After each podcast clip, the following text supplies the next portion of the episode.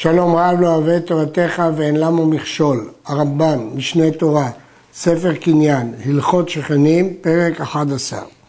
מי שעשה גורן בתוך שלו, או קבע בית הכיסא, או מלאכה שיש בה אבק ועפר וכיוצא בהם, צריך להרחיק, כדי שלא יגיע העשן או ריח בית הכיסא או אבק ועפר לחברו, עד שלא יזיקו.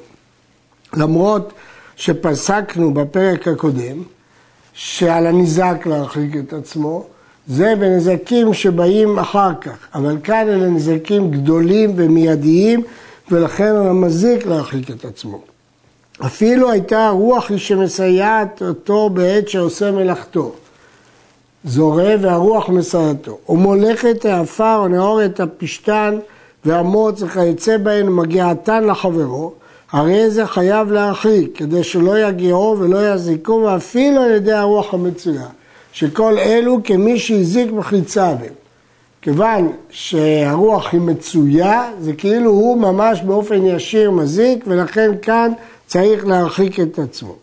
אף על פי שהוא חייב להרחיק כל כך, אם הוליכה הרוח המצויה את המוץ ואת העפר והזיקה בהן, הרי זה פטור מלשלם. שהרוח הסיעה אותו ואין נזק זה, זה בא מכוח המזיק עצמו.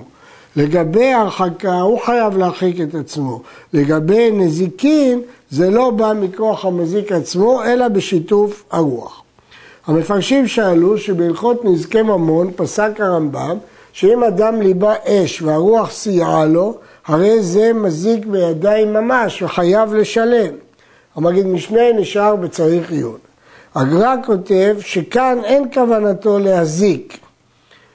אה, נתיבות המשפט מתרץ באופן אחר, אבל עדיין הקושייה היא חזקה. מדוע כשהוא זורע והרוח מסייעתו, אז אנחנו רואים שהוא לא חייב לשלם, ומלבה עם הרוח הוא חייב לשלם. הקוטש את הריפות וכיוצא בהן בתוך שלו. מדובר על חיטים שחולקים אותם ברחיים אחת לשתיים ואחת לשלוש כדי לעשות דייסה, מעשה קדרה. וכיוצא בהם בתוך שלו. ובעת שמכה, כשהוא מכה על הבצק, החיטים כדי לחלוק אותם, מנדנד חצר חברו עד שינדנד כסוי החבית על פי החבית, הרי זה כמזיק בחיציו, וחייב להרחיק כדי שלא ינדנד, או יבטל ממלאכתו שמזקת. ואם הזיק בעת הנדנות, חייב לשלם שהרי מכוחו בא הנזק.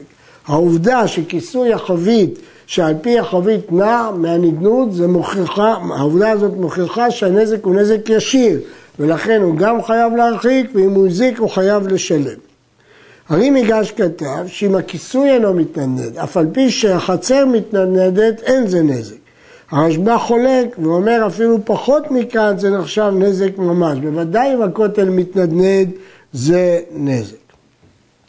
כל ההרחקות האמורות בפרקים של מעלה, אם לא הרחיק וראה חברו ושתק, הרי זה מחל, ואינו יכול לחזור ולצריכו להרחיק.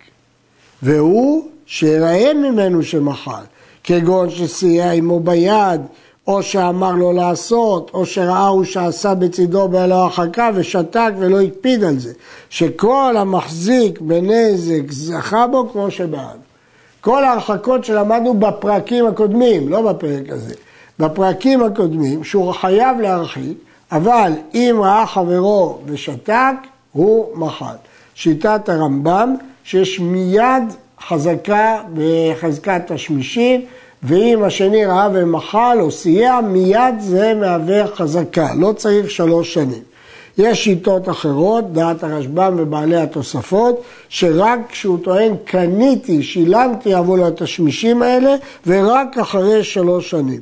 אבל לפי הרמב"ם זה מיד. לגבי היזק ראייה, לפי הרמב"ם, כותל שבונים להיזק ראייה אין לו חזקה ותמיד הוא יכול לדרוש אותו, אבל היזקי ראייה אחרים, כמו בחלון וכדומה, שיש חזקה מיד, כי אני אומר שהוא מחל. במה דברים אמורים שאני אומר שהוא מחל? בשאר נזקים, חוץ מארבעת מיני נזקים אלו אמורות בפרק זה שהם חמורים ומיידיים, שהן העשן וריח בית הכיסא ואבק וכיוצא בו נדנוד הקרקע וכיוצא בו ונדנוד הקרקע, שכל אחד מאלו אין לו חזקה. אפילו שתק הניזק כמה שנים, הרי זה חוזר וכופה ולהרחיק. מדוע? כי אף אדם לא מוותר על נזק כזה. ולכן ברור שהוא לא מחל, כי דעתו של אדם לא סובלת נזק כזה. וכן היזק קריאה במקום שצריך מחיצה, כופה הוא לעשות מחיצה בכל עת שירצה כמו שביארנו. ולמה שנו נזקים אלה משאר נזקים? כפי שאין דעתו של אדם סובלת נזק באלו. אנחנו לא מניחים שהוא מחל, אפילו אחרי שנים. וחזקתו שאינו מוחל, שזה כאן נזק קבוע, ואם קנו מידו שמחל בנזקים אלו, אינו יכול לחזור בו. אם עשו קניין סודר ומחל, אז הוא מחל. אבל בדרך כלל ההנחה היא שהוא לא מחל.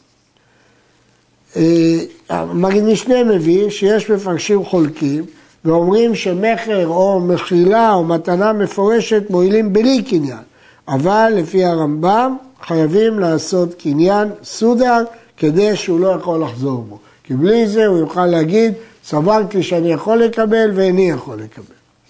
מי שהחזיק לעשות מלאכת דם או נבלות וכיוצא בהם במקומו, ויבואו אהובים וכיוצא בהם בגלל הדם ויאכלו, והרי הם מצרים לחברו בקולן וצפצופן או בדם שברגליהם, שהם יושבים על האילנות ומלכלכים פירותיהם. אם היה חברו קפדן או חולה שצפצוף זה מזיקו, או שהפירות שלו נפסדים לו בדם, חייב לבטל אותה המלאכה, כי זה נזק ישיר ומיידי. או ירחיק כדי שלא יבוא נזק מחמתו, שנזק זה דומה לריח בית הכיסא וכיוצא בו, שאין לו חזקה. ויש להדגיש שלא תועיל פה גם מחילה, כי זה נזק חמור כמו של בית הכיסא.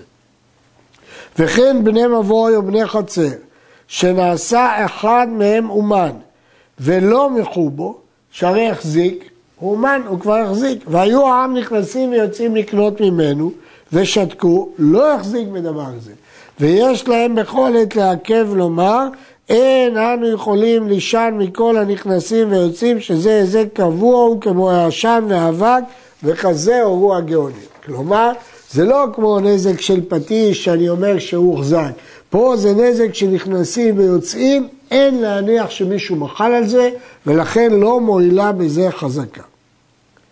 מי שהחזיק בנזק שיש לו חזקה, לא הנזקים החמורים האלה, אלא הנזקים שלמדנו בפרקים קודמים, כגון שפתח חלון, או הביא רמת המים, או לא הרחיק מה שראוי להרחיק, והרי המחזיק טוען, אתה אמרת לי לעשות, או אכלת לי אחר שראית, או עיקר הנזק ושתקת ולא מחית בי. והניזק אומר, עכשיו הוא שראיתי, ולא ידעתי מקודם, לא שמעתי על הדבר הזה, לא ראיתי, לא ידעתי, וכמובן שלא מחלתי. או שאמר, כשראיתי מחיתי בך, ואתה אומר, אתה אחי, כהיסטור, ואתה מבחר אותי מיום ליום, כדי שתקבע איזה כרב. בכל אלו וכיוצא בהם, על הניזק להביא ראייה. ואם לא הביא, יישבע המזיק הסת וייפטר. אנחנו מניחים שיש פה חזקה לאלתר, ולכן הניזק צריך להוכיח שהוא לא מחל, כי עובדה שהוא שתק, ועליו להוכיח שהוא לא מחל. אני מזכיר שוב שדעת רשב"ם והתוספות שהחזקה הזאת היא רק לאחר שלוש שנים. כל מה שאמרנו עכשיו זה בנזקים רגילים שיש בהם חזקה. החזיק בנזק שאין לו חזקה, כגון העשן ובית הכיסא וכיוצא בהם, וטען המזיק שקנה מידו של ניזק, על הניזק, על המזיק להביא ראיה שקנו מידו. כי כאן זה בדרך כלל נזקים שלא מוחלים, אלא המזיק טוען שבמקרה הזה הוא מחל ועשו קניין סעודה. פה המזיק צריך להוכיח. ואם לא הביא, יישבע הניזק הסד שלא קנו מידו ויסלק זה הסד. כאן הוא המוציא לחבר, כי בדרך כלל לא מוחלים על דבר כזה. ולכן על מקרה כזה ברור שעליו להביא ראייה.